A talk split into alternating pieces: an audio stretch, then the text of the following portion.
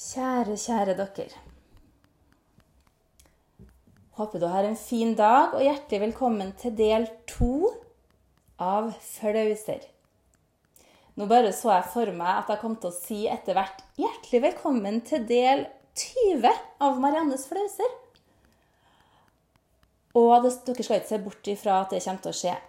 Jeg har gjort ganske mye flauser før, og jeg kommer garantert til å gjøre en del flere. Så når jeg har kommet over de flausene sjøl, så skal jeg oppdatere dere på det. I forrige episode så snakka jeg en del om Ja, fikk i hvert fall snakka litt om slalåm. Om slalåmkurs. Det kurset jeg gikk på her i eh, Trondheim Lurer på om det gikk over fire eller åtte ganger. Det hjalp faktisk lite grann, altså. Det gjorde det. Og jeg ble hakket tryggere. Men også kjøre på slalåm i briller, det er ikke akkurat noe sjakktrekk heller. For når du går på trynet, da, så får du jo masse snø innunder brillene. En ting er det jo hvis det har vært eh, slalåmbriller, eller Ja, nå lurer jeg på om jeg blander kanskje sammen en gang jeg gikk på langrenn. Jo, eller en gang, det har jeg gjort masse. Men da har jeg også tryna med vanlige briller. Men det kan hende at jeg faktisk kjørte bare slalåmbriller på det kurset. Og da var det ikke rart jeg ikke så noe godt, i hvert fall, for da jeg trengte jo enten briller eller linser. Så nå baller det seg litt sammen her med det jeg husker, men jeg har i hvert fall hatt noen reale tryningser i vanlige briller. I skikkelig løssnø og fått snø langt oppi nesa, langt inni halsen og under brillene. Det er ikke å anbefale. så sånn sett er jeg ganske glad for at jeg har linse. Jeg har jo bare linse på det ene øyet. For jeg har jo alle mulige eh, rare greier på øynene mine. Øya gikk i kryss før. Nå har jeg jo operert. Den historien skal dere selvfølgelig også få. Um, jeg har jo også fått så mange baller i ansiktet. Og det Heldigvis nå så kan jeg velge sjøl at jeg ikke trenger å spille verken fotball eller håndball. Fotball er for så vidt tryggere, syns jeg, for da er ballen på bakken. Men jeg, har, jeg er så dårlig i ballspill, det må jeg bare si. Så det Men det er egentlig Jeg kjenner jo nå at jeg bryter meg så veldig mye om at det er mye som jeg er skikkelig dårlig på. Det har egentlig ikke noe å si. Syns egentlig litt sånn godt da. Før så var jeg veldig opptatt av å være god på ting. Så jeg fikk høre Jeg husker pappa sa til meg at Du, Marianne. Eh, det er veldig fint når du tør å prøve ting du ikke er så god på òg. Pappa har så mange visdomsord. Og han Så jeg husker det at han hadde jo helt riktig. For at jeg gjorde bare ting jeg var god på. For jeg var så redd for å drite meg ut, og jeg følte meg så dum. Da. Og Men det Nei, jeg kjenner jo at det å ha gitt slipp på det er utrolig godt. Så det der med slalåm det var jeg jo ikke noe god på, men det hjalp litt med det kurset. Og jeg har jo også noen andre slalåmflauser. Jeg og ei venninne var på en slalåmdate. Og det var i Vassfjellet. Vi var rundt 15. De to guttene vi var på date med, var 19. Så de kom og henta oss, og vi kjørte dit. Jeg skjønner hvorfor jeg gadd å gi meg ut på en slalåmdate. Men jeg gjorde nå det. Og de guttene var jo selvfølgelig knallgode. Det var jo sikkert derfor de ville ha med oss akkurat på den daten. Venninna mi var også ganske god, mens jeg var jo overhodet ikke det. Pysete, syntes det var litt skummelt, osv. Der var det sånne tallerkenheiser. Jeg husker på et tidspunkt når jeg tok den, så han jeg var på date med, tok en heis bak meg, da, så han så jo alt hvordan jeg sleit. da. Så jeg holdt på å datte av. For det var et sånn heng der som man skulle komme seg opp. Og da var det i hvert fall på et tidspunkt så sto jeg loddrett ut fra bakken. Jeg kom meg i hvert fall opp, men det var nå så vidt jeg kom meg ned, så han daten min måtte nå passe på meg, da, som tryna, og til slutt så tok jeg av meg skia og gikk ned. Så det der, det var så flaut at jeg og venninna mi lata som vi sov hele veien hjem i bilen. Men det ble en ganske god historie. Jeg har også noen ting som har skjedd i forhold til slalåm i Oppdal. Vi var i Vangslian en gang og sto på ski. Der så var det en såkalt stolheis, eller jeg kalte det bare sofaheis, for det så ut som en sofa. Vi var fire stykker som skulle ta sofaheis sammen.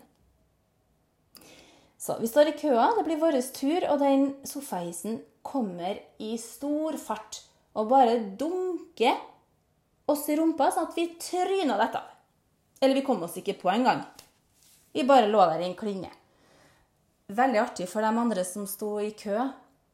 De fikk nå litt underholdning, i hvert fall. Ok, vi opp igjen.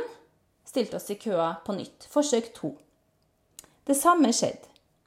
Vi tryna før vi kom oss på stolheisen. Så skjønte nå han heisføreren at her er det noen skikkelig klebber, så jeg må nå sakte ned farta litt, da. Så han gjorde nå det. Det som skjedde da, var at det var kun jeg som kom meg på, for jeg hoppa opp med rumpa og satte meg på. Men så innså jeg at de tre andre hadde falt av. Og da turte jo ikke jeg å sitte i denne heisen sjøl, så jeg hoppa like gjerne av, jeg òg, med ski. Forsøk fire da kom vi oss på. Da hadde sikkert han heisføreren stoppa heisen ordentlig. Så da satt vi nå, da. Ann Fred og ingen fare kom oss hele veien opp. Og da vi skulle av, så hadde ikke vi avtalt at den på høyresida kunne kjøre litt ut til høyre, den som satt midt på rett frem, og den som satt til venstre, kan kjøre til venstre. Nei da, vi kjørte innover alle sammen, så vi krasja igjen og havna i en klynge. Jeg husker ikke hvor mange turer det ble, men det ble sikkert ikke noe mange turer akkurat den dagen, for vi datt jo bare av. Så det Jeg så ingen andre som gjorde det. Jeg så bare oss som klebba sånn. Så én ting er heisen, noe annet er bakken. Jeg syns det er skummelt med bratte bakker. Nå har jeg jo ikke stått på slalåmski på år og dag, og det er jo en grunn til det. Jeg syns det er skummelt. Men hvis det er litt sånn slake bakker med puddersnø, det syns jeg er fint. En annen gang vi var i Oppdal, så var vi sammen med venner av familien. Der var det en gutt som var ett eller to år eldre enn meg. På et tidspunkt så sa han da litt sånn kjekt Ja, Marianne tør nå i hvert fall ikke å kjøre i Hovden. Jeg tror det var Hovden den bratteste bakken het. Som var sånn svartleipe, eller hva det var. Og dere kan nå gjette hva jeg skulle gjøre da. For da skulle jeg jo vise den, jeg. Jeg skal vise deg at det tør jeg. Så da bestemte jeg meg for å kjøre den bakken. Heldigvis så ble mamma med meg. Så vi tok heisen, kom oss opp, og så skulle vi begynne å kjøre ned. Og det var helt grusomt. For det var skare, og det var så bratt. I hvert fall syns jeg det. For meg så føltes det som at det gikk loddrett ned. Jeg var på gråten, jeg var livredd, jeg var så svett og tørst. Mamma måtte hjelpe meg for å komme meg ned. Mamma var veldig flink til å kjøre slalåm. Jeg gikk etter mamma, livredd, og måtte ta sånn snuing med skia for å bare kjøre på skrått. Og så måtte jeg snu igjen, og så kjøre igjen. Jeg tror også at jeg tok av meg skia på et tidspunkt og gikk ned. Da jeg kom ned, så gikk det opp noe for meg. Jeg trenger ikke å være god på alt. Og jeg vil heller leve enn å være god på alt. Jeg var så lykkelig for at jeg overlevde, at jeg bestemte meg for å ikke la meg utfordre igjen. Jeg vet ikke om jeg helt har holdt det, for jeg lot jo meg også utfordre i forhold til stuping. Jeg har alltid vært veldig glad i og bad og svøm. Jeg har jo dykkerlappen òg, og det har vært veldig sånn Det er en ting jeg ikke har vært noe redd for. Det har falt veldig naturlig for meg å både være under vann og over vann. Stuping, hopping.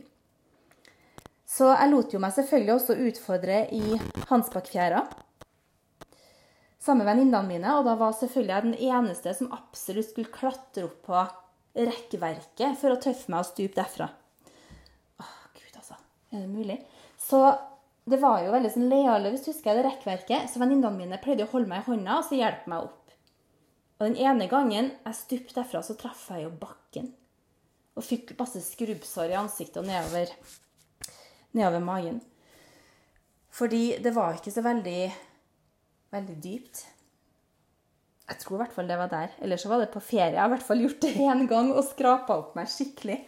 Fordi jeg ikke klarte å stupe langt nok ut, men jeg gikk litt mer rett ned, da. Og det er ikke bare én gang at jeg har stupt fra høyde for å tøffe meg. Det har jeg gjort flere ganger. Det har heldigvis gått bra, men det kommer jeg heller ikke til å gjøre nå. Når jeg har passert 40, og vel så det. Jeg er jo snart 45. Jeg trenger ikke å stupe fra tre meter for å vise meg frem, altså. Det blir for teit. Jeg har også gjort noen sånne småflauser som også handler varer og så bare dra uten å ta det med meg. Jeg har til og med kjøpt godteri og ikke tatt med meg. Og det skulle man jo nesten ikke tro, for da har jeg dratt på butikken for å handle nettopp godteri. Og så bare betaler jeg og drar. Det ligger jo igjen. Jeg har jo merka det når jeg kommer hjem, eller når jeg kommer til bilen. For da hadde jeg sikkert planlagt å bare rive opp sjokoladen og stappe den i meg, og så var den der, skjønt. Så da måtte jeg jo kjøre tilbake og hente. Jeg har også satt igjen handleposer med varer både inn og ut i butikken. En gang så satte jeg igjen varene ute på parkeringsplassen utafor bilen, og så bare kjørte jeg. Ja, det var jo smart. Da jeg dro tilbake igjen, så var det noen veldig snille som hadde tatt inn varene mine. Så de sto der og bare venta på meg. Jeg har også lagt igjen telefonen i butikken. Men den flaueste butikkhendelsen min da sto jeg i kassa. Og barna mine var med. Og så bare tar jeg tak i handlevogna og røsker den til meg og begynner å skal ta ut varer. Og så ser jeg ehm, Jeg kan ikke huske å ha kjøpt de varene her. Og så sier barna 'Mamma, det er ikke vår vogn. Det er hans vogn.' Og de syns jo selvfølgelig det her var ganske flaut. Og så ser jeg på han mannen som står i køa bak meg. da, Han bare ser på meg litt sånn forskrekka. For jeg hadde jo røska til meg vogna. Jeg hadde ikke bare tatt den forsiktig, jeg liksom bare dro den til meg. Og jeg begynte jo å flire, og jeg måtte bare si å, beklager, beklager. Det var ikke meninga å ta din vogn. Og han flira heldigvis, han òg. Han syntes jo at det var litt artig, tror jeg. Så noen andre småflauser handler om reise. Det er heller ikke sånn kjempestore greier, men jeg har satt meg på feil perrong. Og toget kom da aldri. Så på klokka. Tre kvarter forsinka. Time forsinka. Hvordan går det an, da? Ups. Det var feil perrong. Jeg har også kjøpt flybilletter til feil dag, så en gang jeg og barna var i Oslo så hadde jeg kjøpt flybilletter til én dag for seint. Og det var jo egentlig litt krise, for jeg skulle jo på jobb. Så det gikk jo ikke. Heldigvis så kom jeg på det før vi dro til flyplassen. Da måtte jeg jo endre på det, så det ordna jo seg, det. En av de tingene som jeg fortsatt blir flau over fra ungdommen, eller fra ja, var vel kanskje noen og tyve og da høres det jo enda verre ut. Der er det sikkert flere som hører på, som husker at jeg dansa magedans en periode. Jeg begynte med det i Oslo, og fikk helt dilla fra første stund. Fra første time. Det var to som jeg gikk på sykepleien sammen med. Veldig gode venninner som dro meg med på det kurset. Og jeg var den som ble helt frelst. De slutta etter hvert jeg dansa magedans hele tida. Jeg har til og med hørt at de på andre sida av gata, for jeg bodde i Sleppegrels gate på Grünerløkka De på andre sida av gata der, i leiligheten der, hadde sagt til noen andre som jeg kjente, at Å, dem som bor der, ja. Ja, det er hun som drar og danser magedans hele tida. Så de hadde sett det fra andre sida av gata. At jeg for rundt med et sånt belte hele tida. Ganske komisk. Men jeg fikk som sagt helt dilla på magedans. Lærerinna mi var helt fantastisk flink. Jeg er sikker på at hun er Norges beste magedanserinne. Helt nydelig. Skikkelig karisma.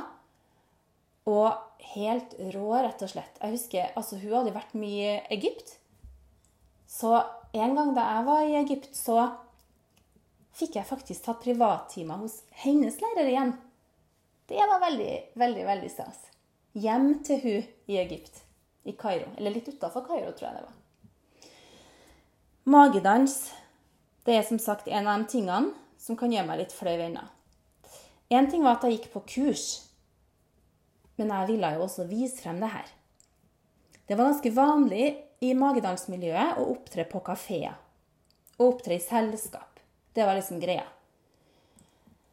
Og jeg var jo ganske frempå at nei, det ville nå jeg òg.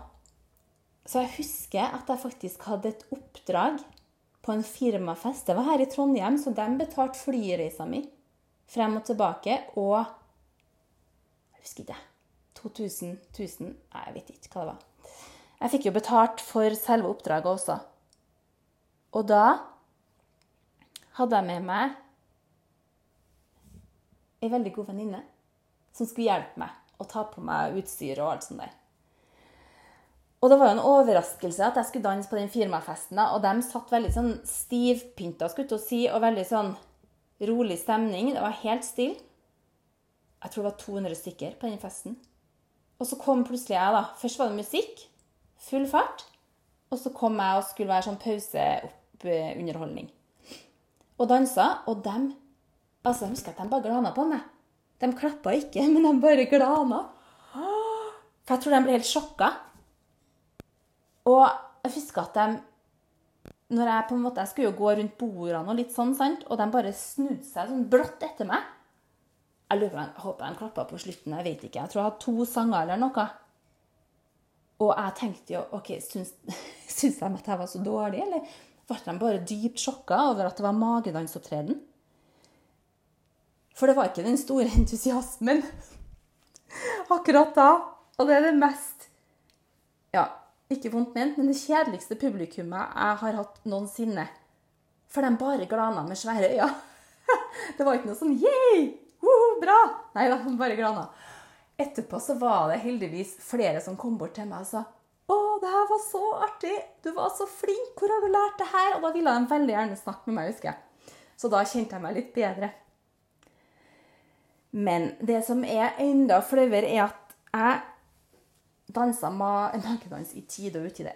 Én ting var jo på privatfester, for da ville gjerne folk at jeg skulle ta med meg magedansutstyret. Så det gjorde jeg nå. Jeg har til og med dratt hjem i taxi da jeg var på fest, jeg og ei venninne, for å hente magedansutstyret, for så å dra tilbake på festen og hatt en opptreden. Folk som kjente meg godt, de syntes jo at det her var stas. Og stadig vekk så ble jeg spurt av folk som hadde vært på den samme festen, kan du komme og danse? Eller kan du danse i dag òg? Og da var det jo greit nok når jeg ble spurt om det. For jeg har jo ikke lyst til å pushe på det sjøl, for det, det Nei, det syns jeg har vært litt flaut. Men jeg har også noen sånn, en annen flause. Hvis dere husker Riks, gamle Riks Riks kafé, tror jeg det het. Det var et utested. Til og med der har jeg dansa magedans. Og hvis dere tenker å ja, nei, men da var hun sikkert full Nei, det var jeg ikke. Jeg drakk ikke. Rett og slett. Jeg drakk veldig lite alkohol i den perioden. Jeg har ja, hatt lange perioder uten alkohol. Ikke av noen spesiell grunn, men bare fordi jeg ikke har hatt lyst på. Jeg hadde minst like artig uten. Men jeg har til og med dansa på bordene på Riks. Og altså, det jeg blir, så, jeg blir helt sånn, jeg rødmer når jeg tenker på det. Jeg tenker, å, er det mulig? Måtte jeg gjøre det? Det er jo råmange år siden. Det er sikkert 20 år siden, men jeg blir fortsatt litt flau når jeg tenker på det. Og ikke nok med det. Det var en som jeg kjenner fra ungdomsskolen, som hadde vært der samtidig. Og gjett hva han hadde gjort, da. Han hadde vært i butikken. Butikken vår. Så hadde han fortalt mamma og pappa ja, jeg så nå forresten eh, Marianne hun dansa nå magedans på bordene på Riks barfot. Jeg bare tenkte, Og det der måtte jo selvfølgelig mamma og pappa si til meg. Og jeg tenkte bare å, takk skal du ha. Takk skal du søren meg ha for at du forteller det der til mamma og pappa. Åh. Det er lenge siden jeg har dansa magedans. Jeg skal ikke danse magedans på noe bord. Jeg skal ikke opptre noe mer magedans. Det er søren meg nok for a lifetime med magedansopptreden. Det er i hvert fall sikkert. Så En annen liten flause Det er litt godt å gå over til de småflausene. Jeg ser jo at det sikkert blir tre episoder med flauser allerede. Jeg er veldig opptatt av å betale parkering. En gang jeg var på jobb i byen, så hadde jeg betalt, og så forlenger jeg parkeringa mi på appen. Og så gikk jeg ut da for å hente bilen, og så kom jeg på Nei, men jeg har tatt buss i dag, jeg. Jeg har ikke bil. Så jeg har betalt for parkering uten å ha med meg bil. Men det er nå greit nok. Så jeg tenkte at ja, men da har jeg litt å gå på, da. Hos Trondheim Parkering, så da burde de ikke gi meg noe bøter, i hvert fall. Og ja, en annen ting som er litt sånn yogarelatert, det vil jeg jo tro at flere av dere som har gått på yoga hos meg før Jeg vil jo tro at noen av dere som hører på, har gått på yoga hos meg og kanskje husker på det her òg. Jeg har jo astma. Og det vil si at stemning kan være ganske groggy på morgenen. Det er masse slim, masse hoste. Når jeg har undervist ashtanga-klasser, så har vi en slags åpningsmantra, en chant, jeg har noen ganger hatt så dårlig stemme og så dårlig puss at det har vært vanskelig å synge. Men jeg husker spesielt én gang så fikk jeg et skikkelig hosteanfall midt inni mantraen. Og det var, sånn, det var ikke noe sånn at det hjalp. Det var sånn at jeg mista pusten nesten, for det klødde så gærent i halsen. Så når jeg pusta inn, så klødde det bare mer. Og jeg hadde ikke kjangs til å synge videre. Så jeg måtte bare gjøre noen bevegelser med hendene, bare sånn for å gi tegn Bare syng videre, dere. Og så måtte jeg bare springe ut. Og jeg holdt på å hoste meg halvt i hjel. Altså, det var anfall av en annen verden. Satt ute, jeg følte at jeg holdt på å hoste opp magesekken. Og når jeg kom inn, da, så var de jo ferdig, og da gjengen min Å, jeg savner jo litt de Arstanga-klassene. Jeg savner egentlig andre klassene òg. Jeg er så heldig. Jeg har møtt så mye fantastiske folk som har kommet på yoga, og gjennom yoga, og andre lærere.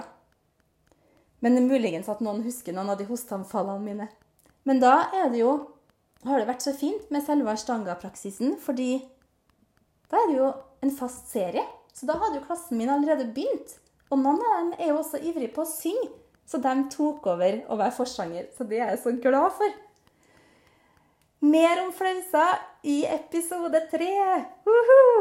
Tørs å gjøre flauser. Det er fantastisk. Ha det bra!